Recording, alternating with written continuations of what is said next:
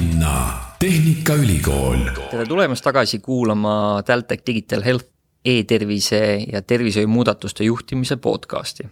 räägime sellest, kuidas positiivseid muutusi tervishoius juurutada erinevatel tasanditel, süsteemi, organisatsiooni, tehnoloogia Äh, räägime teadlaste, tervishoiutöötajate, arstide, äh, ametnike, väga erinevate inimestega ja seekord on mul rõõm, et äh, saame rääkida hoopiski meditsiini õigusteemadel. aga seda kindlasti ka natukene tehnoloogia võtmes. mul on külas Ants Nõmper, Raidla Elleksi advokaat, õigusteaduste doktor ja lisaks ka tervishoiuettevõtete Kiirendi Health Founders mentor. tere, Ants! tervist! kuidas siis sina jõudsid meditsiinivaldkonnani? minu teekond äh, ilmselt väljendab äh, tegemata jäänud asju. ehk et kui ma keskkooli lõpetasin, siis mul oli äh, tõmme nii meditsiini kui juura poole ja ma ei saa öelda, et juura poole see tõmme tugevam oli küll, aga tookord, kui ma vaatasin, kui kaua arstiks tuleb õppida, siis ma leidsin, et ma olen ilmselt piis-, piisavalt püsimatu iseloomuga, et ma valisin juura. Aga ei saanud üle ega ümber meditsiinist ja kohe esimesest kursusest peale ma võtsin neid aineid ja üritasin oma neid kursusetöid kirjutada just selles meditsiiniga seo-, seonduvates valdkondades äh, siis jäin silma professor Jaan Sootakile, kes tollel ajal neid meditsiiniõiguse loenguid äh, ülikoolis tegi. tema abiga ma sain Eh, juba bakalaureuseastmes Saksamaal õppima. Eh, pärast siis bakalaureuse lõpetamist eh, sain tänu professor Sotakile ka päris Göttingeni ülikoolis magistrikraadi meditsiiniõiguses teha. ja siis mõned aastad hiljem ka kaitsta doktorikraadi ja kõik need just meditsiiniõiguse valdkonnas. ja professionaalses elus ka kuidagi sattusin Jüri Raide juurde tööle. tollal hetkel käivitusid suured reformid üheksakümnendate lõpus nagu e-tervised, geenivaramu, haigekassa, ravikindlustus.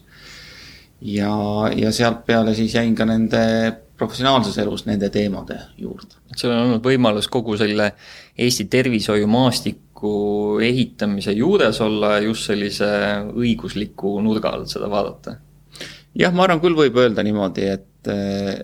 et seal ei ole küll võib-olla need minu mõtted ja visioonid, sest need olid ikkagi spetsialistidelt ja, ja meditsiinitöötajatelt küll, aga üsna palju eh, seaduse teksti on, on minu klaviatuurilt tulnud ja eelnõuna loomulikult lõpuks võtab Riigikogu need vastu. ja, ja, ja kindlasti on andnud oma panuse ka, ühelt poolt on see õigus, mis meil kirjas on ja teiselt poolt on mingil määral ka see õigus, mis, mis tuleb äh, niimoodi Äh, vaidluste käigus. Äh, kas meil eelkõige tervishoius on põhiline see, mis me oleme kirja pannud või on äh, näiteks ka kohtupraktika siin viimaste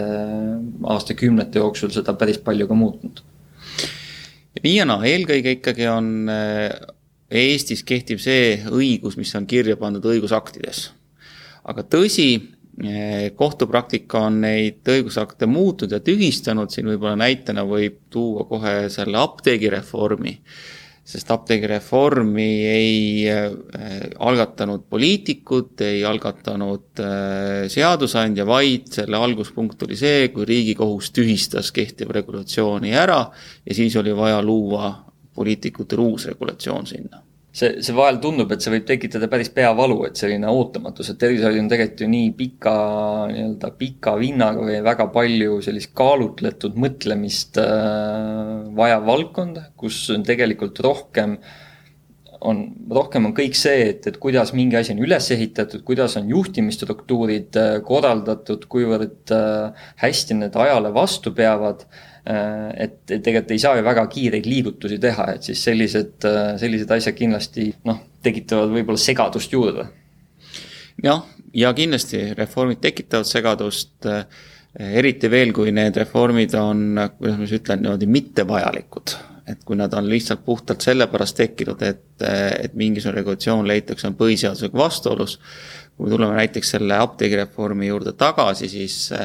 võib-olla kuulaja ise mõtleb selle peale, et kas ta pani tähele, et, et vahepeal seadus oli ära tühistatud, kas ta pani tähele, et võeti vastu uus seadus ja kui ta seda ka pani tähele, siis võime edasi küsida, et kas ta pani tähele, et apteegi korralduses Eesti Vabariigis siin paar aastat tagasi midagi muutus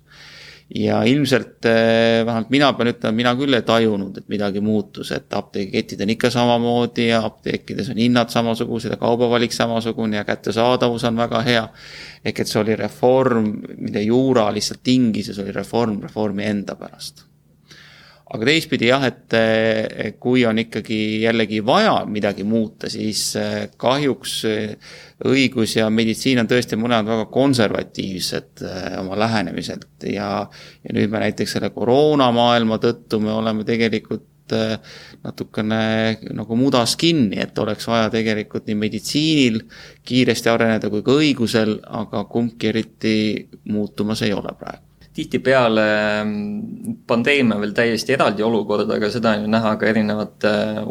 igasuguste uuenduste äh, tervishoius juurutamise puhul, et et äh, isegi kui on olemas va-, va-, tehnoloogia, siis see kindlasti ei tähenda, et see tehnoloogia saab kohe kasutusse, et seal, seal tihtipeale ongi, kas on õiguslikud barjäärid, kas on nii-öelda äh, praktikabarjäärid, et alati on nii tehtud ja kui üks väga suur masinavärk nagu tervishoiusüsteem töötab nii, nagu ta töötab, siis selle muutmine käigu pealt noh, väga-väga raske. on, aga seda ilmselt tuleb teha ja, ja muidu me jääme lihtsalt maha. et konkreetse näitena, et kui me, kui ma mõtlen näiteks nende asjade peale, et kuidas toimub tervishoius eh, lubade väljastamine ja loomulikult eh, ei saa ju suvalistel äriühingutel lubada terviseteenust osutama hakata, et on vaja lubasid, aga siis, kui me vaatame lubade saamise tingimused, siis need on ikkagi selgelt üheksakümnendate aastate tingimused, lähtuvad sellest, et kõigepealt peab olema sul suur hulk nii-öelda betooni, et nagu kunagi eh, keegi ütles, et kui ma mõtlen kultuuri peale, siis ma haaran kohe kellu, et ka meditsiinis on hästi palju seda tegelikult need tänapäevased moodsad tehnoloogilised lahendused ei vaja eriti selliseid ruume, mille me kirjeldame, et mis materjalis peavad olema seinad ja lagi ja põrand ja mitu ruutmeetrit peab olema, vaid tänapäevased kauglahendused tegelikult vajavad just infotehnoloogilist äh, reegleid ja, ja normistikku. Need on tegelikult suuresti jällegi puudu ehk et need äh, uued ettevõtted, kes soovivad mingeid digitaalseid lahendusi äh, rakendada, need peavad alustama mitte arvuti ostmisest, vaid ikkagi kõigepealt betoonist mm. -hmm. ja noh, ja, ja see, see ongi selline vist parad-, selline paradoks, et, et ühelt poolt me tahaksime, et õigus reguleeriks äh, tervishoius nagu asja piisavalt hästi ja õigesti niimoodi, et kõik oleks selge ja ei peaks, ei peaks liiga palju vaidlema. teiselt poolt me tahaks äh, ka seda, et, et me ei peaks seda pidevalt muutma, et, et see oleks näiteks muutustele valmis, et võib-olla, et see, see kindlasti on see hea, see, see ruumide näide, aga samal ajal vist otseselt Eesti õiguses ka, ka juba mõnda aega tagasi ei olnud otsest piirangut pakkuda näiteks kaugvastuvõtte Äh, samaaegselt kui noh, vähemalt minu kogemus pidi, äh, kui käisin Poolas, käisin Saksamaal, siis seal oli nii-öelda seaduses lausa keelatud. et, äh, et vähemalt niimoodi öeldi mulle, ma ise seadust, Saksa seadust otse ei lugenud, aga, aga et, et kui, kui nagu valmis või selline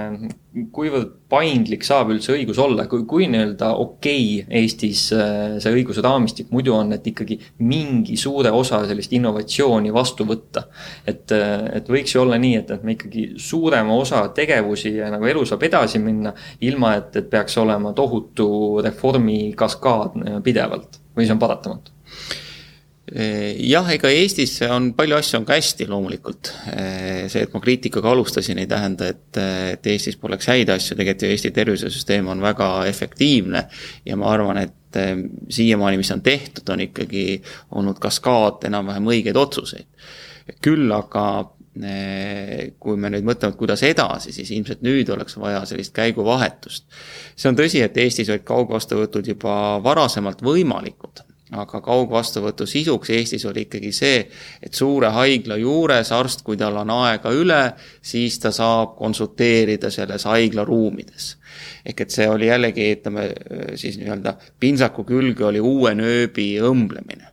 aga kui sa oled täiesti innovaatiline ettevõte, ehk et kui sa tahad teha näiteks meditsiinivaldkonnas Bolti või või siin Netflixi või midagi sellist, siis sellisteks võimalusteks Eesti õigusruum ei, ei jäta tegelikult võimalust. Et, et tõelised raputused või uudsed tehnoloogiad, et need on ikkagi meil ka õiguse tõttu äh, sisuliselt keelatud mm. -hmm. et meil on ikkagi suhteliselt, meil on Riigi Teatajas on kirjas see, mis asi on nii-öelda tervishoiuteenus, mida, mida saab pakkuda ja kui seda seal ei ole, siis see ei ole tervishoiuteenus. jah, ja, ja, ja meil, muidugi meil on lubatud hästi palju konkureerida, aga konkureerimine on ka jällegi suurte haiglate vahel ja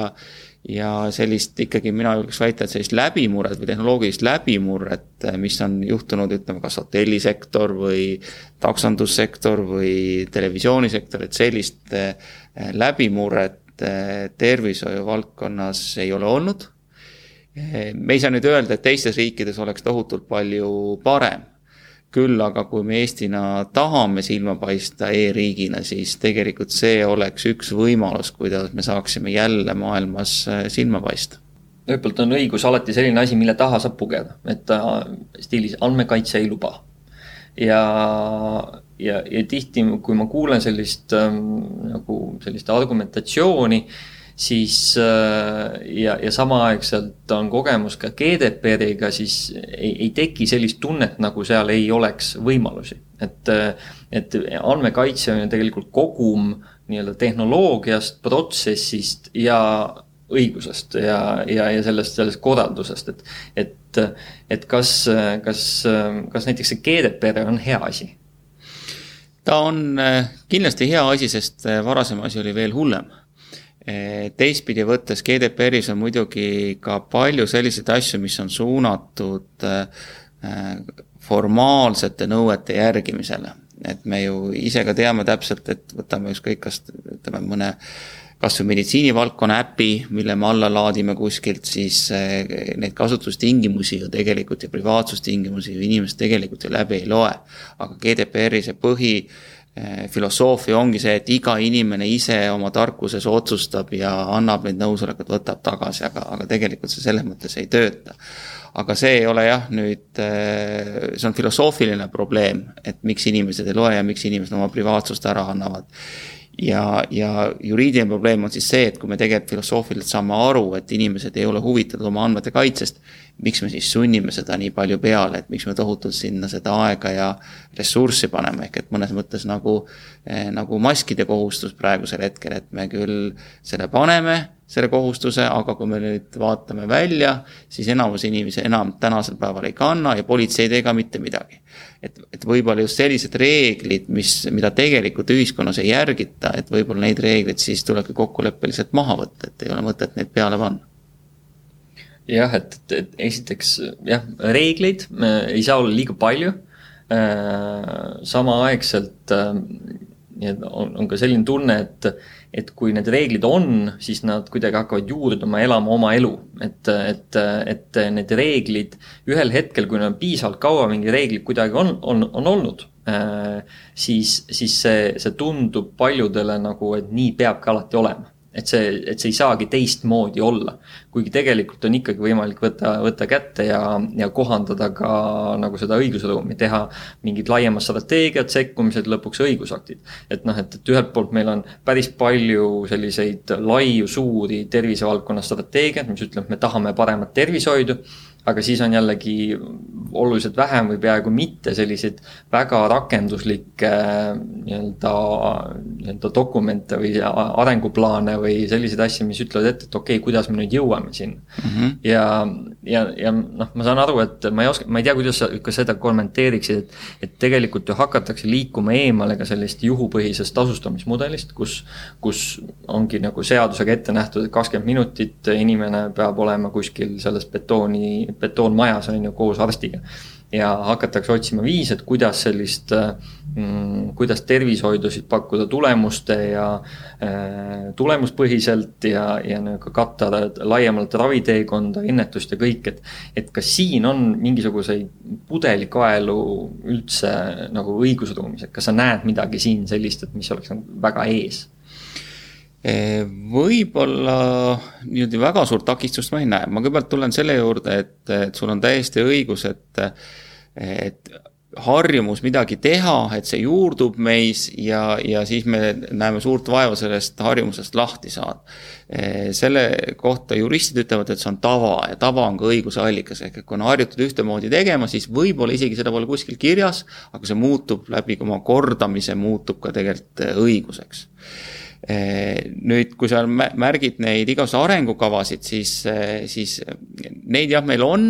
Eh, võib-olla võiksid rohkem olla, võib-olla võiks nad detailsemad olla, aga ma võin sulle näite tuua arengukavadest, mis mingil hetkel otsustati vormistada õigusaktiks. et meil oli näiteks kunagi üheksakümnendatel ja kahe tuhandete alguses oli oli erialade arengukavad, kus iga eriala sai siis sotsiaalministri määrusega omale arengukava, kus siis oli täpselt kirjas, et kui palju patsientidest peab kannatama seljavalu käes, kui palju peab kannatama peavalu käes ja kui palju peab arste olema, kes neid ravivad ja, ja kuidas see kõik kahekümne aasta jooksul peaks muutuma, on ju. õigusaktid üldiselt ju panevad kellelegi kohustusi, panevad keelde, annavad lubasid ja jääb täiesti arusaamatuks, et mis siis on, kui näiteks see prognoos ei vasta tõele, et kas siis on arstid süüdi, et nad on liiga hästi seljavalu ravinud, on ju, või on patsiendid süüdi, et nad pole piisavalt raskusi tõstnud, et selja paigast läheb. ehk et selliseid mõttetuid regulatsioone on ka olnud. me oleme neist suuresti õnneks lahti saanud. Aga kui nüüd eh, mõelda, et kas, kas näiteks minna üle siis edukuspõhisele rahastamismudelile, siis siin võib küll olla mingisuguseid seadusandlikke initsiatiive vajalik, sest Eh, minu arust, mis jääb meil kõrvale, on patsiendi enda panus, et me oleme väga solidaarsed oma meditsiinis, me jätame inimese panuse kõrvale, aga kui me tahame nüüd hakata edukuse või tulemuse põhjalt eh, midagi maksma, siis tekib ju kohe küsimus, et et, et kuidas me siis mõõdame selle patsiendi panust, et arst võib ju tegelikult kõike selle edukuse nimel ära teha, kõike täiesti õigesti ja veelgi rohkem kui vaja. aga kui patsient seda ravirežiimi ei jälgi, tulemust ei ole kas on siis aus, et siis arst jääks nagu rahast ilma? tegelikult meie ravikindlustusseadus juba praegu näeb ette selle, et ravirežiimi mitte järginud patsiendid võiks Haigekassa raha tagasi nõuda. see on peaaegu kakskümmend aastat olnud selline säte, ma ei tea, et kordagi oleks Haigekassa üritanud seda rakendada. ja kui ta oleks üritanud rakendada, siis oleks tulnud ka võib-olla välja need kitsaskohad, et võib-olla tõesti on vaja seadust muuta. aga kõige hullem on see, et seda pole isegi üritatud. kui meil on vaja nagu liiga lihtsat näidet selleks, et sellist äh, asja rakendada, siis see näitab, et ikkagi midagi on tegemata, et te, tegelikult ju, ju ei, ei pea tingimata olema sellised nullsumma mängud tervishoius äh,, vaid, vaid on võimalik lahendada või ehitada neid mudeleid selliselt, et seal on erinevad riskide kaalutlused mm. -hmm. näiteks Ameerikas äh, ma ei tea, kas see on ka õiguslikult, aga no vähemalt tehnoloogiliselt, siis kindlustused, kellel on vabadus üldse nagu määrata, kuidas nad haiglatele maksavad, saavad äh, siis panna selle tasu sisse, mis näiteks haiglatele makstakse, et panna skoori ka muuhulgas äh, selles osas, et milline on patsiendi sotsiaalmajanduslik taust, mis omakorda ennustab patsiendi võimalikku enda tervisekäitumist ja, ja nii-öelda kohandada siis seda tasu äh, haiglale lähtuvalt sellest, et kas kas, kas patsient nii-öelda järgib äh, raviplaani või mitte, et see on selline, selline lõpuks see raviplaani jälgimine tuleb ju sellest seal on see inimkomponent nii oluline, et mm, -hmm. inimene äh, ja, ja, ja arst on ühes ruumis ja leitakse see inimkontakt. ja, ja, ja kui, et, et õiguslikult jällegi võib olla vist hästi see keeruline nii-öelda nii kaugele ette mõelda et noh, et meil noh, kui, kui Ameerikas on mingid ettevõtted, mis arvutavadki küm-, nagu mingi sadade andmepunktide põhjal kokku selle, selle sotsiaalse riskiskoori, mis juba kõlab nii-öelda mõne riigi kontekstis väga halvasti praegu. aga nagu igatahes arvutab selle kokku, et siis äh, tasuda selle eest tervishoiuteenuse osutajale, et selle selle nii-öelda, ma ei tea, algoritmide lisamist äh, õigusesse on ju võimatu teha, seega peab seal olema mingi regula-, mingi, mingi ruum seda teha, et. et, et kui, kas, on juba tekkinud nagu selline tunne, et mingites osades nagu asi läheb ikkagi liiga keeruliseks, et meil, meil ongi nagu nii palju selliseid wicked nagu keerukaid probleeme tervishoius, alates Covidist kuni ka tehnoloogia võimalusteni ja geeni, geenivaramute ja, ja personaalsete riskiskoorideni välja, et, et et me ei saagi nagu seda ette mõelda nii palju, et, et kas tekib niisugune tunne? jah, see on eh, elu paratamatus, et elu läheb kogu aeg keerulisemaks ja, ja tekivad uued probleemid, aga ma arvan, et eh, kui võtta nüüd samm tagasi, et et ikkagi seaduste ja, ja, ja võib-olla riigi ülesanne on eelkõige lihtsalt natukene nagu nügida inimest selles õiges suunas. ja, ja me kas või siin praegu koroona ajal näeme, et, et riik on sellega nüüd ütleme, mõõdukalt toime tulnud, aga nüüd on nagu padrunid otsa saanud, et kuidas siis edasi, et et, et võib-olla selliste väikeste finantsiliste stiimulitega, ükskõik, kas need on siis eh, vaktsineerima tulijatele mingisuguse summa maksmine või perearstidele, kes saavutavad oma nimistust teatava määra vaktsineerituse puhul, et neile preemiate maksmine või teistpidi, et mingisuguses osas kulude jätmine nende inimeste kanda, kes pole ennast vaktsineerinud ja loomulikult siin see, see saatan detailides, et see, ma arvan, ei peaks olema kindlasti sada protsenti, see peaks olema selline kas või kaks või kolm visiiditasu, et see, et see kerge nügimine, inimestele märku andmine, mis on ikkagi eh, nii tema enda tervise jaoks kui ka ühiskonna teiste liikmete tervise jaoks mõistlik, et seda võiks niimoodi teha. no ma arvan, et see kerge nügimine on hea märksõna, et meil tegelikult kõik tööriistad olemas kergeks nügimiseks, aga noh, vähemalt teoreetiliselt, aga selleks, et äh, üks äh, nii-öelda riiklik struktuur äh, inimest niimoodi pehmelt nügiks, see peab päris targalt olema üles ehitatud, seal peavad olema head inimesed, head süsteemid, asi peab toimima ja ei, noh, ei tohiks olla niimoodi poolpoliitilist kaost, on ju, pidevalt. jah, ja ma arvan, et üks nagu olulisemaid äh, niisuguseid lahendusi või ideid, mis Eesti tervisekorraldusele on ka tuule tiibadesse andnud, oli ikkagi täiesti poliitikutest sõltumatu haigekassa moodustamine. Ja, ja, ja spetsialistide juhtimine, loomulikult seal on poliitiline kontroll läbi Sotsiaalministeeriumi ja sotsiaalministri, kes on Eesti Haigekassa nõukogu esimees, aga suuresti ikkagi käivad otsuste tegemine juhatuse tasandil, kus on spetsialistid. Ja, ja minu arust ka see, et, et Haigekassa oma nime on vahetamas Haigekassast Tervisekassaks, et see näitab, et toimub ka just see väike nügimine sinna tervise poole. Ja mina usun küll, et Haigekassal oleks see võimekus inimesi hakata vaikselt nügima ma, ma tegelikult usun ka, sest noh, seda me teeme äh,, seda, seda osatakse teha, see lihtsalt tuleb tuua sellisele tuleb luua mingid mõistlikud stiimulid, et, et see nügimine saaks toimuda mitte kuidagi, et üks, üks hetk kõik kuskilt tuleb mingi poliitiliselt, nüüd hakkame nügima ja siis tuleb üks, üks nügimisprogramm ja siis vaid et, et see, see, see tegelikult selline lähenemine kuidas toetada tervist, ennetust, ravitulemit. noh, see peab, see on keerukam struktuur, selle peab üles ehitama rahulikult, vaatama kõiki neid vastandlikke stiimuleid. sest kui, kui praegu on noh, kriisiolukord, me näeme, et kui kuskilt tervishoiusüsteemil on natukene niimoodi lükata, teeme mingisuguse ühe meetme sinna, natuke surume, siis on näha, et kohe teistes kohtades jällegi tekivad mingid vastandmõjud ja mm, -hmm. ja hakkab selline põrkamine pihta mm. -hmm. ja, ja et, et selleks, et nagu selline süsteemne muutus saada, siis peab nagu tõesti vist ette nägema seda, et kõik, mis need järgmised etapid ka on. aga mul on tunne, et kriisisituatsioonis hetkel noh, seda kuidagi nii raske teha jaa, kriisisituatsioon ei ole, ühtepidi ta annab muidugi motiivi ja võib-olla poliitikutele ka, ka võimaluse kiiresti midagi ära otsustada. teistpidi, kui sa ikka oled ise juba natukene vee alla vajumas, siis korraliku kroolitehnikaga ujumisest ei tule nagunii midagi välja, nii et tegelikult liiga palju ka ette ei näe aga ma olen sellega just nõus, et, et tihti nagu juristide peale vaadatakse, et nad keelavad või käsevad ainult ja kas need teinekord on, aga meditsiinis just peaks olema seda kerget nügimist ja vähem peaks olema sellist kuidas ma ütlen, sellist kurja õigust, sellist, mis, mis tõepoolest rikub selle arsti ja patsiendi vahelise usaldussuhte ära. ja ma võin tuua ka nagu kaks näidet siin Eh, võib-olla natukene varasemast ajast oli see olukord, kus alaealistel tüdrukutel ei olnud lubatud ilma oma ema või isa nõusolekut aborti teha. Ja, ja see oli siis noh, see on selgelt ju alla kaheksateistaastase lapse reproduktiivõiguste väga räige piiramine. võib vabalt olla, et nad, ta ei saa oma vanematega läbi, ta ei elagi oma vanematega võib-olla koos, on ju, aga ta peab minema seda luba saama ja siis oli veel see säte, et kui siis lapsevanem luba ei anna, et siis tuleb pöörduda kohtusse, siis tuleb kohtuniku kaudu hakata, täitsa võõra inimese kaudu hakata tegelikult mingit luba taotlema kümmekond aastat seadus kehtis, lõpuks sai äh, ära muudetud tänu õiguskantslerile.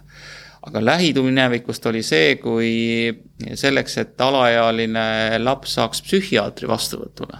oli ka vaja seda, et tema lapsevanem oleks seal juures, oleks nõus sellega. ja siin üritati ju ka seadust muuta, üks partei oli selgelt selle vastu, arvas, et pereväärtused on sellised, kus laps ei tohi ilma lapsevanema teadmata midagi teha Eh, no ideaalmaailmas see võib-olla ka niimoodi on, aga, aga siin koroona ajal eriti, kui me loeme, kui palju on psühhiaatrilisi probleeme lastel, siis siis tuleb sealt ideaalmaailmast välja tulla ja, ja tõdeda, et lapsel endal, lapse enda tervise huvides ja lõppastmes ka selle lapsevanema tegelikult huvides on see, et laps saaks kiiresti seda abi ja oleks põhjendamatu arvata, et psühhiaatrid eh, kuidagi nagu taksojuhid istuvad järjekorras ja, ja meelitavad lapsi enda juurde vastuvõttudele, et ei, et meil ikka arstidest on puudus ja patsientidest on üle, mitte vastupidi. noh, sest omakorda see tekitab ka noh, nii nagu tekitab näiteks mingisugune äh, reegel, et äh, seda tehnoloogiat, olgu see ravim, seade või protseduur, et seda tehnoloogiat tohib rakendada nendel patsientidel, aga nendel ei tohi. või siis, et selle uuringu või protseduuri eelarve tuleb täis saada selles kvartalis või, või mitte Mm -hmm. ja noh, see või, või sama, samasugune psühhiaatri näide, et, et, et see tekitab ju tohutu pinge ka tervishoiutöötajas, kes, kellel nagu eetiliselt nagu kõige nagu eetiliselt, inimlikult ja nagu see, mida ta õppinud on, ta tahaks aidata ühtmoodi. aga siis on kuskil see mingisugune reegel, et, et ma olen kuulnud ütlemas nagu haigla, haiglajuhte, et, et keegi ei taha nagu väga saada spetsialistist keskastme juhiks haiglas. ma ei tea, kui palju laialt see paika peab, aga et siis, siis see tekitabki selle, selle koha, et see inimene peab hakkama nüüd nagu kokku lapitama neid nii-öelda seaduses toodud erinevaid äh, nõudmisi ja neid kandma siis edasi nagu sellisesse nii-öelda pärisellu ja, ja see võib olla väga raske olukord jah, kindlasti see juhi funktsiooni täitmine meditsiinis on keskmisest keerukam Eh, tulenevalt sellest, et meditsiin ei ole ju eh, eel, vähemalt Eestis ja Euroopas suuresti ta ei ole inimese ehk tarbija enda poolt finantseeritud. ehk et sa, eh, inimene ei saa valida, mida ta tahab, ta peab leppima sellega, et mida siis erinevad kindlustusandjad on temale üldse võimaldanud. Seda esiteks ja teiseks on ka ravijärjekorrad, mille tõttu lihtsalt see inimene ei saa tegelikult nii kiiresti seda ravi, kui muidu võiks olla, ütleme vabaturumehhanismides siiski see ei tähenda, et nüüd me peaksime kindlasti Ameerika peale üle minema, sest seal on omad äh, probleemid, nii et ilmselt tuleb tõdeda jällegi, et täiuslikku süsteemi ei ole veel välja mõeldud. jah, ma arvan ka, et, et see see, kuhu Euroopa on läinud, et kui me vaatame kulutervishoidu ja nii-öelda tervisetulemeid äh, rahvastiku tasandil äh, ja võrdleme neid Ameerikaga, et siis noh, siin, siin on ikkagi mingi iva ja me näeme selle, selle tervishoiu solidaarsuse nii-öelda printsiibi vajadus ka puhtalt selle pandeemia kontekstis, et, et kui meil oleks kuidagi äh, kuidagi, äh, ma ei tea, killustatud tervishoiusüsteem, kus on erakindlustused ja riiklikud kindlustused, siis üks või teine rahapott jookseks väga kiiresti tühjaks ja, ja siis, siis ikkagi peab nagu riik aitama tulema, aga see oleks siis ad hoc, praegu ikkagi on on nii-öelda haigekassa kujul mingi mudel või, või mehhanism, kus kus nii-öelda, kus kaudu mingi, mingid asjad saavad liikuda. jah, ja, ja see haigekassa mehhanism äh, ma ei väsi seda kiitmast, eh, aga teine, teine silm, üks silm naerab, teine nutab ja nutab on selle tõttu, et et kui me vaatame ka Haigekassa või siis Tervisekassa enda finantsprognoose, siis seal on tegelikult eh, ainult mustad värvid. ja, ja samas on et, erinevad ettepanekud välja käidud, erinevaid maksumuudatusi, need kõik eeldavad tegelikult maksumuudatusi, et kui makse me ei muuda, siis tegelikult eh, tähendab see, et me peame Haigekassa eh, nii-öelda seda katet, mida kas siis teenuseid või, või ajutist töövõimetust või ravimeid kokku tõmbama. aga kui me siis loeme pärast valimisi jällegi Eh, kokkuvõtted, et milles koalitsioon suudab kokku leppida, siis tavaliselt suudetakse kokku leppida ainult maksurahus, ehk et mitte midagi ei muutu. Mm. see on selles mõttes huvitav, et eh, me vist olime viimane riik, mis Eestis eh, nii-öelda oma tervishoiu rahastuse mudelilt oli selline klassikaline ühe maksjaga Bismarcki mudel mm. -hmm. ehk mhm. siis meil oli senimaani on meil olnud õigus saada äh, nii-öelda on ikkagi see kindlustusprintsiip on säilinud, aga tegelikult ju kaks aastat tagasi äh, otsustati mingisugune koefitsient, kui palju tasutakse Haigekassa, Haigekassa eelarvesse riigieelarvest juurde. ja noh, minu meelest see avab jällegi omakorda sellise väikse nagu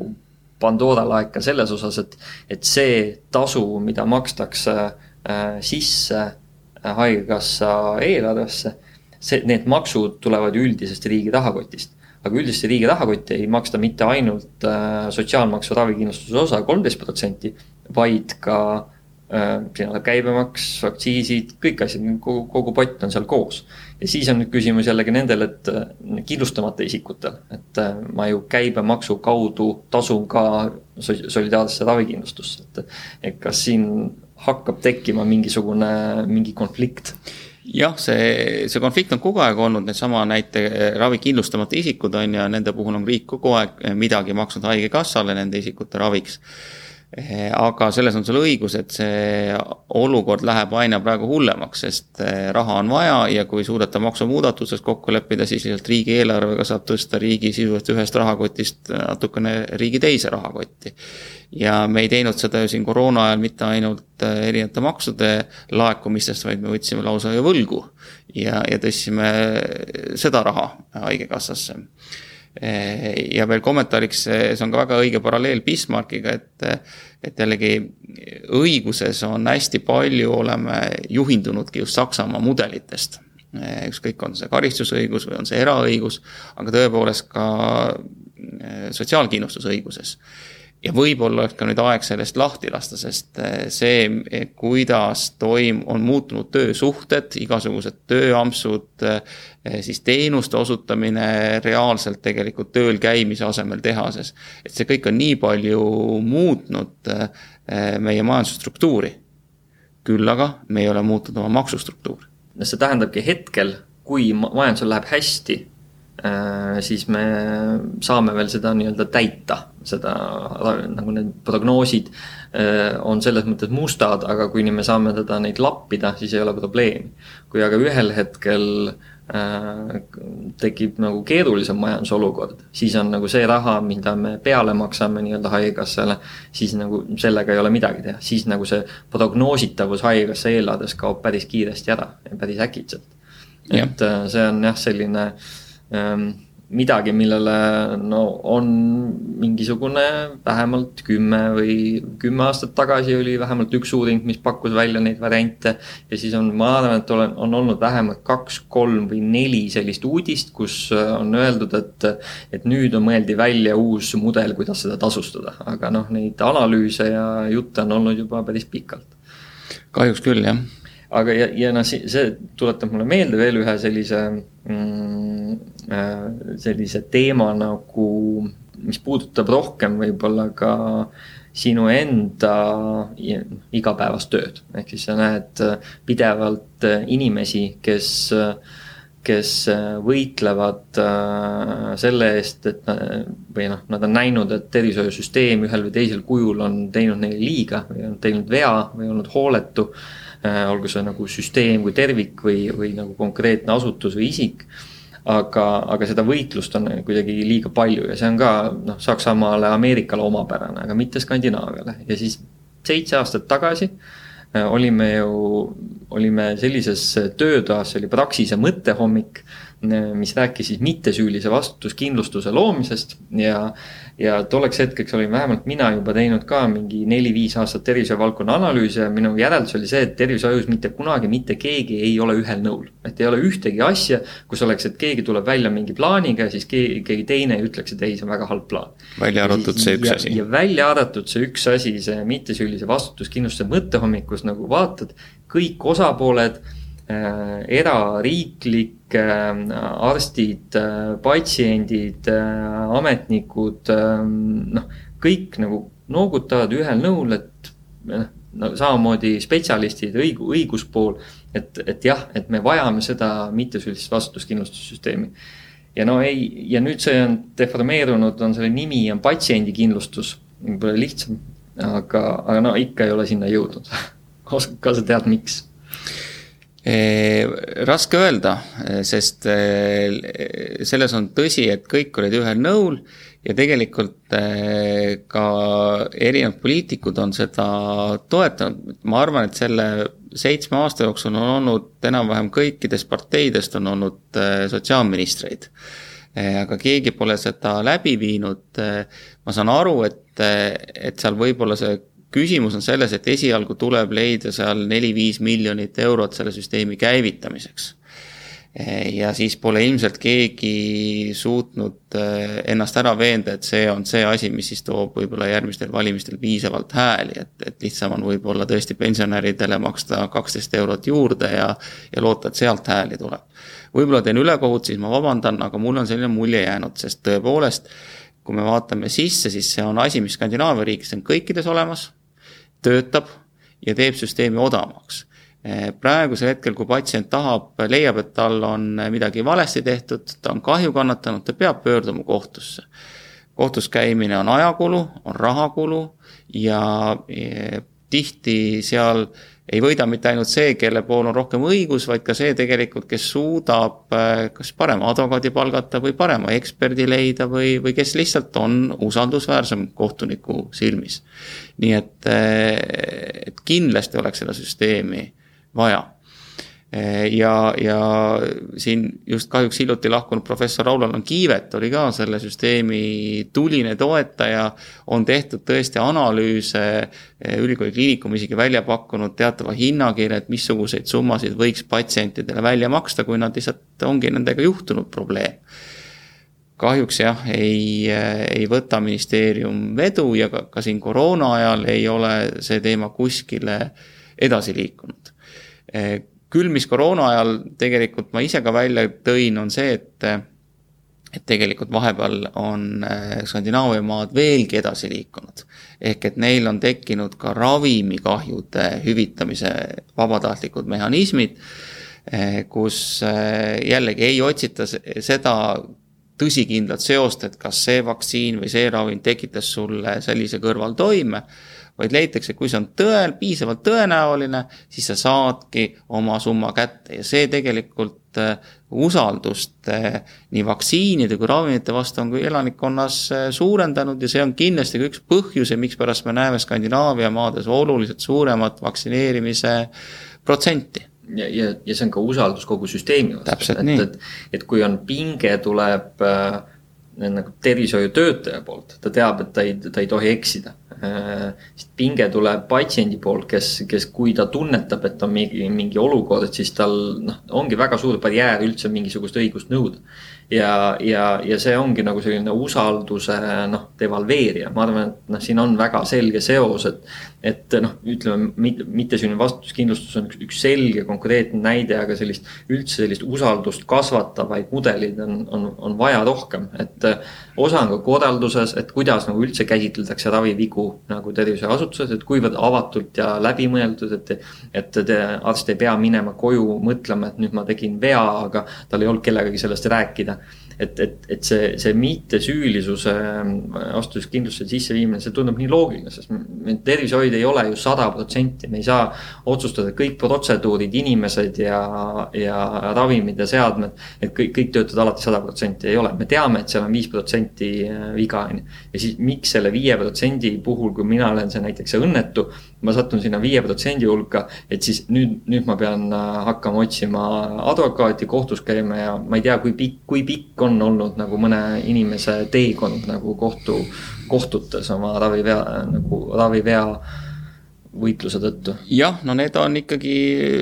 vabalt mingisugune viis aastat on need protsessid ja, ja sina ütlesid, et, et see, ütleme, kohtuvaidlus devalveerib seda usaldussuhet, mina oleks veelgi resoluutsem, ütleks, et see lõhub selle täiesti ära. sest kui muidu need äh, inimesed töötasid ühe eesmärgi nimel, selleks oli patsiendi tervis, on ju, nende vektorid olid samasuunalised, siis sel hetkel, kui üks hakkab raha nõudma ja teine ei taha raha maksta, siis nad on täiesti vastassuunaliste huvidega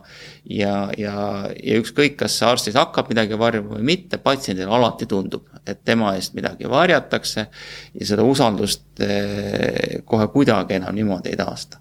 aga see mittesüüline vastutuskindlustus tähendaski seda, et arst saaks öelda, mõistan, et sa pole rahul selle teenusega, meil on riiklik süsteem, riik vaatab selle üle ja kui on sul tõsi, sa saad ka rahasumma ja sa ei pea mõtlema, et see rahasumma tuleb minu taskust, mina ei tööta sulle vastu, vaid mina saan tegelikult isegi olla sinu kõrval sellel hetkel, kui sa seda nõuet eh, esitad. Ja miks on siis arstil? Kasu, on tõesti see, et esiteks, et tal on vähem stressi ja teiseks,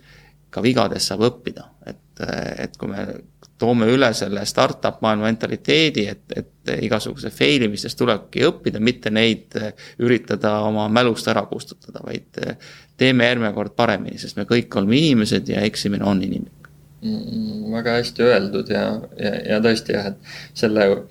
selle usalduse ehitamisele suunatud tervishoiusüsteemi järgmised sellised muudatused, ma arvan, võiksid olla väga, väga nagu teema, teemakohased. et äh, me näeme vähemalt, vähemalt võib-olla see pandeemia, äh, mis praegu noh, ta toobki välja selle, et, et tervishoid on selline usaldus, usalduspõhine süsteem. ja mida ta veel väga päris, päris hästi välja toob, on, ongi see, et et, et ka auto, autokraatlikumates riikides on, on näha, et, et asi lappab rohkem, asi lappab veel rohkem. ja mis näitab, et, et selline nii-öelda usalduslik kommunikatsioon ja sellele suunatud süsteemi ehitamine on äh, see, et võib-olla me olemegi viimase kolmekümne aastaga püüdnud nagu tehniliselt kõik asjad ära lahendada, kõik nagu oleks õige, me oskame, majandus kasvab, kõik jutud. aga nüüd noh, see süsteem on see, kus, kus on vaja teha, ma ei tea, hollandlased ütlesid, nemad tegid oma tervishoiureformi kakskümmend aastat. noh, hakkasid tegema plaani, tegid ja nüüd väidetavalt on juba päris head tulemused. no pole viimaseid artikleid vaadanud, aga noh, näidati, kuidas nagu kulud vähenevad ja, ja kvaliteedile on asi suunatud. et äh, see võiks või vist olla jah, selline järgmine ettevõtmine, et me teeks ära nii-öelda selle mittesüülise kindlustuse äh, vaataks, kuidas nagu mitte nagu suruda sinna kitsasse nii-öelda kahekümne minuti betooniraami, on ju, et äh, et ilmselt, ilmselt siin on mingeid kohti veel nagu, kus, kus saab sellist usaldust suurendavat äh, muudatust teha? jah, ütleme kolmas valdkond, kuhu, kuidas saaks usaldust suurendada, mis on ka koroona ajal jällegi välja löönud, on see, et et natukene ikkagi avalik sektor ja erasektor, ka nende vahel on võib-olla selline usalduse puudus, et, et algul tahtis riik kõik selle vaktsineerimisega ise ära teha, et erasektori eh, abi käest öeldi ära, et miks ära, on ju, et ilmselt on see usaldamatus ja kui ma vaatan ka ka õigusakte, siis sealt ikkagi ju kumab läbi see, et, et eelkõige me usaldame neid haiglavõrgu arengukava haiglaid, ehk need on need suured nii-öelda, võiks öelda riikliku meditsiini haiglad, ja mis siis üle jääb, et see siis anname nii-öelda eratervishoiule lahendamiseks. jah, sel hetkel, kui, kui see regulatsioon vastu võeti kakskümmend aastat tagasi, oligi tõesti, meil olid killustunud haiglad, meil oli vaja konsolideerida, oli vaja sellist tugevat haiglavõrku üles ehitada kui me nüüd oleme sinna jõudnud, meil on see haiglavõrk olemas, siis võib-olla võiks eh, lubada ka erasektoril rohkem teha. ja, ja teistpidi, et erasektorit ka ei usaldata, näiteks riik on ära keelanud tervishoiuteenuste reklaami. et kui me ühelt poolt tahame olla ju seda tervishoiuteenust nii-öelda eksportiv maa, et me tahame, et siia tullakse seda nautima ja me oleksime teada-tuntud kui äge tervishoiumaa siis me keelame ära selle kõige tavalisema asja, millega ettevõtja saab eh, kliente ehk reklaami. tõsi, et pärast seda ütleb siis ka veel seadus, et nojah, et et kui sa selle tegevusloa numbri kuskile sinna reklaami kirja paned, et siis sa võid ka öelda, et sa ikkagi tervishoiuteenust reklaamid, aga see näitab ju seda, et pole mõtet teha regulatsioone, mida sa ei jõusta ja kust sa ütled ka, et kuidas sellest regulatsioonist mööda minna. et jääb lihtsalt kõigile osapooltele halb maitse suhu, parem oleks öelda, et tervishoiuteenuse reklaam on lubatud. kuigi lihtsalt see on nii isiklik näide, aga seda saab võib-olla nii-öelda vastukaaluks öelda, et kui sõita näiteks Ameerikas ringi ja kuulata autoraadiot, siis on iga, iga teine reklaam on mingi tervishoiuteenuse reklaam, et, et võib-olla ka võib-olla sinna nagu ka päris ei taha jõuda, et, et sest noh, jällegi, et, et see tervishoiuteenus võiks ja see on nagu isiklik arvamus, ta võiks olla midagi taustal. no midagi selline, kui on probleem, mis ma saan, ma saan usaldada oma süsteemi, et ma saan lahenduse. et ta võib-olla ei peaks olema selline noh, nii-öelda shoppamise nagu teema. jah, ilmselt sul on õigus, et mingisugused äh, piirid on vajalikud ja äh, aga siis me peame mõtlema ka, et kui me äh, piirame ühte sektorit, et mida siis teeb teine sektor, antud juhul jah, me piirame äh, tervishoiusektorit, siis need äh, ütleme siis mitte tervishoiuteenuse osutajad, need saavad vabalt reklaamida. seda meil ei ole väga näha, aga igasuguseid kodeerijaid ja, ja muid ikkagi nagu reklaamivad oma teenused. Aga väga palju tegelikult on näha ravimite puhul seda mm, -hmm. et ravimireklaam väga piiratud võtame ajalehe lahti, harva näeme seal mõnda reklaami. aga me näeme tohutult palju igasuguseid toidulisandeid, on ju, ja igasuguseid muid asju, mille puhul ju tegelikult on teada, et need ei mõju sellisel viisil, nagu väidetakse ja, ja, ja kas siis on hullem, kui see inimene tõepoolest saab ravimireklaami ja saab asja, mis töötab, vähemalt sellisel juhul töötab, kui teda õigesti võetakse, on ju. Versus see, mille puhul on teada, et võta, kuidas tahad, kasu tast ei ole jah, noh, see võrdlusbaas on tõesti õige, et, et äh, samaaegselt nii-öelda tervishoid või üldse tervise terviseturundus võistleb äh, nagu valdkondadega, mis nagu tervisele kahjulikud, on ju, olgu see nagu tubakas, alkohol või või, või mis iganes, on ju, big food ja nii edasi, et või noh, nagu, nagu ebatervislik toit ähm,. et ja, ja nendesse reklaamieelarvetesse läheb nagu nii palju rohkem raha, kui me üldse kunagi nii-öelda, ma ei tea, Tervise Arengu Instituudi sotsiaalkampaaniatesse suudame panna, on ju. et, et kui et tervishoiureklaami võib-olla noh, selline nagu see, see loogika on võib-olla tõesti siis ka veel eriti aktuaalne, kui me jõuame puhtalt sellest tervishoiu nii-öelda juhupõhise tüki tegemisest kuhugi natuke mingi terviklikuma terviseplaanini või käsitluseni. et mm, -hmm. et kui, et, kui, et ka see reklaamitakse sellist nii-öelda tervislikku programmi, mis annab ka inimesele mõista, et, et tervis ei ole äh, nii-öelda tulin äh,, tahan, tehke mind korda, lähen ära, vaid et noh, tegelikult seal on kahepoolne panus ja, ja siis see juba see võib-olla see teadlikkus ja valmisolek nii-öelda seda, seda teenust tarbida, olgu see nagu mingi füsioteraapia, vaimse tervise mingi programm, et noh, inimene peab ikkagi sinna panustama. Jah, meie kindlasti probleem on see, et me arvame, et on arsti asi meid korda teha aga tegelikult see on ikkagi inimese enda asi ja, ja, ja, ja siis, kui korda ei saa enda tervist, et siis veel mõelda, et kas ma saan õigusega midagi siin lahendada või, või vähemalt õigusega oma raha tagasi nõuda, et et need ei tee kuidagi inimest eh, tegelikult tervemaks puudutaks veel ühte valdkonda, mis, ähm, millega TalTechi e-tervise õppekava tegeleb ja, ja ka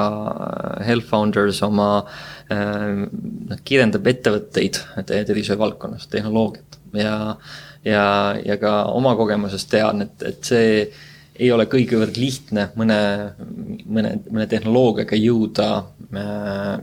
jõuda kuhugi ka turule et äh, tervishoid ja nagu väga mitmetel nendel põhjustel, mida me siin oleme arutanud, peab ühelt poolt olema konservatiivne, sest äh, iga tehnoloogia ei ole automaatselt suurepärane tehnoloogia. et nagu see tehnoloogia positiivism on ju meil noh, riigi vahel võib-olla on ka nagu läinud mingis, mingis olukorras üle käte või siis mitte üle käte, aga, aga tervishoius on vaja natuke teist raami selleks. ja et kui, kui palju sa selles praktikas äh, nii-öelda, kuidas, kuidas sa viiksid need teemad kokku Eesti äh, nii-öelda just õigussüsteemi ja selliste tervishoiu nagu tehnoloogiliste uuenduste, korralduslikest uuendustest me rääkisime praegu päris palju, aga just, et, et kui lihtne on mõne, mõne tehnoloogiaga välja tulla või, või, või jõuda selleni või kas Eesti, Eestis on piisav raam selleks?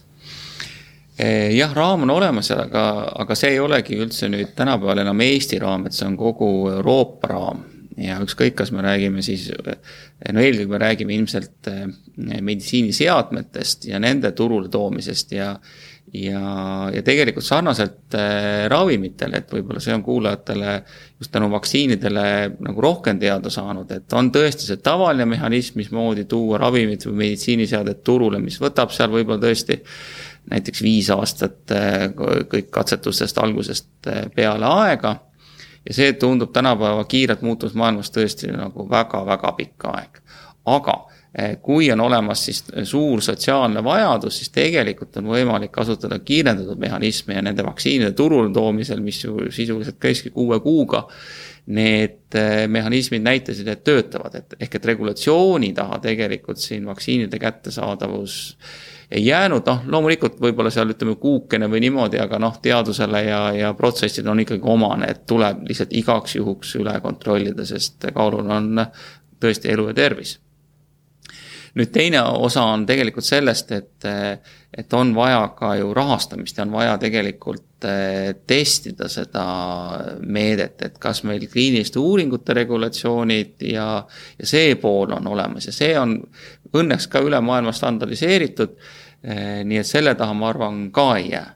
Eh, küll aga siis. GDPR samamoodi, et ta ühtlustab üle Euroopa, noh, vaatamata oma nagu kohati ka sihukestel keeru-, noh, ütleme, ta ühtlustab üle Euroopa. GDPR on üks Eestis, Saksamaal ja Prantsusmaal, et, et sa saad ikkagi minna mujale, on ju. jah, aga, aga mis siis, mis siis nagu ma arvan, nendele eh, meditsiinivaldkonna startup idele saab saatuslikuks, on eelkõige see rahastamismudelid, mis ei ole sugugi üle Euroopa ühesugused. ehk et sa võid teha näiteks oma mingisuguse lahenduse, sa leiad, et see on teatava klassi meditsiiniseade ja läheneb probleemile ühteviisi siis mõnes riigis see võib väga hästi sobida, sest seal võib-olla ongi vajadus selle järele. aga teises riigis on otsustatud, et seda probleemi ravitakse ravimiga, ravim on olemas ja sinu äpist, mis peaks lahendama asja teistmoodi, pole keegi huvitatud ja see on nüüd igas riigis võib tõesti erinev olla ja seda murda või seda ühtlustada, minu arust seda isegi ei, ei ürita Euroopa Liit. siin on jah, võib-olla väiksed äh, mingites valdkondades Euroopa Liit midagi püüab ühtlustada, aga, see, see tundub ikkagi väga-väga killustatud hetkel, et. et ma just tahtsingi küsida, et, et kas sa näed, kas siin mingisugune Euroopa Liidu ülene selline tervishoiu noh mingi, mingit efektiivsust on võimalik saada, kui, kui me hetkel on ka igasugused. ma saan aru, ka ravimite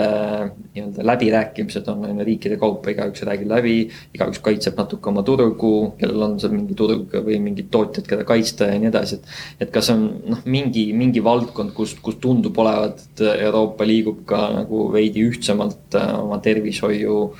nii-öelda tervishoiu integratsiooni ja selle poole või hetkel ei, hetkel ei tundu noh, mulle ei tundu, ega ma ka nüüd ei väida, et ma kõike tean, aga, aga, aga mis on ju faktid, et et ei ole ju väga keeruline asi e-retseptid, et kas meil on olemas üle-euroopaline e-retsept, et, et ei ole. et õnneks nüüd läbi nende erinevate liikmesriikide separaatkokkulepete meil Soomega enam-vähem toimib ja veel võib-olla mõne riigiga. Horvaatia ja Horvaatia näiteks on ju, et, et selliseid asju on, aga see võiks olla juba ammu tehtud üle-euroopaliselt. Eh, mis meil on olemas üle-euroopaliselt teistpidi, et on see, et, et näiteks needsamad ravimite ohutuse asjad, et iga ravim on nüüd saanud omale QR koodi peale ja kõik on jälitatud, et ei oleks eh, sellist võltsimist seal peal. aga, aga inimese jaoks loomulikult on võltsimine on oluline, aga veelgi olulisem ilmselt on see, et, et ma saaksin oma retseptiravimi kätte, kui ma lähen puhkusele no võib-olla natuke loob seda, seda ühtset baasi nüüd ka see tegelikult see koroonapass, kus ikkagi tehti nagu kahekümne seitsme ja kahekümne kaheksa riigi vahel see kokkulepe ja isegi Prantsusmaa ja Saksamaa lõpuks otsustasid, et see QR kood, mis genereeritakse Prantsusmaal või Saksamaal, on kehtiv mujal ja, ja vastupidi ja üldse kõikides Euroopa Liidu riikides jah, see on ka hea näide, et kui tõesti pandeemia suur vajadus on, siis suudetakse Euroopas kokku tulla, aga kui ei ole suurt vajadust, siis, siis tehakse asju küll, aga need kipuvad olema nagu paberi peal, näiteks ütleme, üks, üks, see oligi nüüd ütleme kuus-seitse aastat tagasi jällegi oli suur initsiatiiv, oli patsientide vaba liikumine üle Euroopa Liidu piiride. ja, ja, ja võetigi vastu regulatsioon ja öeldi patsiendid, palun hakake liikuma ja, ja, ja kõik seda tervitasid, aga kuskil oli siis väike tärnike ja see tärn oli ju see, et kui Eesti patsient läheb näiteks Saksamaale, siis jah, tõepoolest, tal ei ole vaja haigekassa luba sinna minekuks, käib, saab oma ravi kätte ja nii edasi aga Eesti Haigekassa maksab eh, selle inimese ravi kinni vastavalt Eesti Haigekassa hinnakirjale. mis noh, keskeltläbi võib-olla on kolm-neli korda odavam kui Saksa Haigekassa enda hinnakiri. Ja selle vahe, selle ei maksa kinni Euroopa Liit, selle maksab kinni patsient oma taskust. ja loomulikult see toob efektiivselt kaasa olukorra, kus me ei käi Saksamaal ravil. Me ei käi isegi tavaliselt Soomes ravim, vaid see turism käib ikkagi rikastest riikidest odavamate riikide juurde, juhul kui selle odava riigi maine on piisavalt eh, hea jah, ja noh, kui kümme aastat tagasi räägiti päris palju ikkagi sellest, et, et võiks olla selline tervishoiuturism noh, üks suur võimalus, siis nüüd mul on kange kahtlus, et see